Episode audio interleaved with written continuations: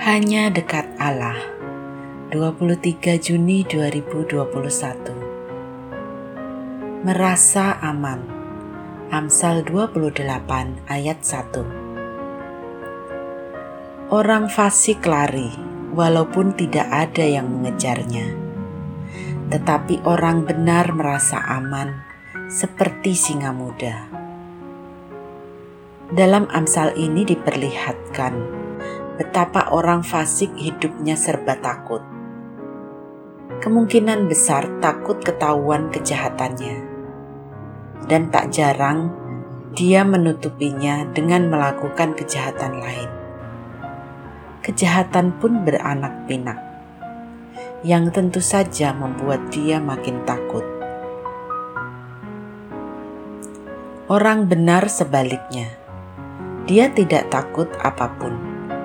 Dalam Alkitab Bahasa Indonesia masa kini tertera, orang jujur berani seperti singa.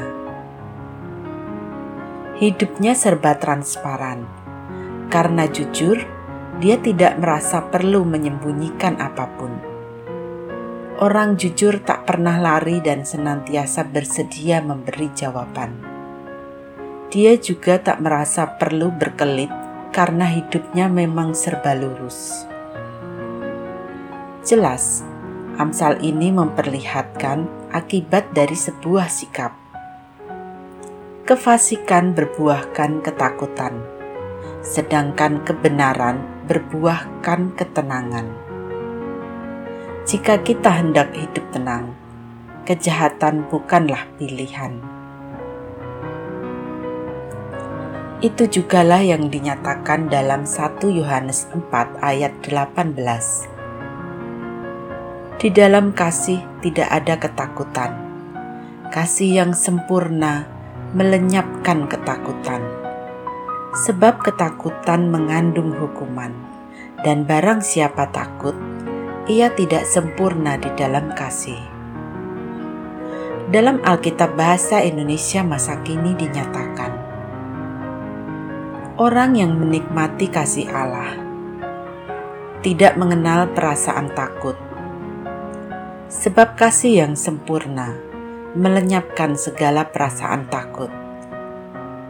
Jadi, nyatalah bahwa orang belum menikmati kasih Allah dengan sempurna kalau orang itu takut menghadapi hari pengadilan.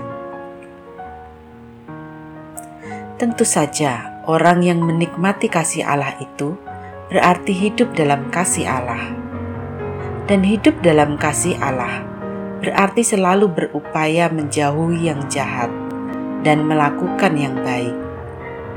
Itu jugalah yang ditekankan penulis surat Yohanes pada ayat 21 Alkitab Bahasa Indonesia masa kini. Sebab itu, inilah perintah yang diberi Kristus kepada kita Barang siapa mengasihi Allah, harus mengasihi saudaranya juga.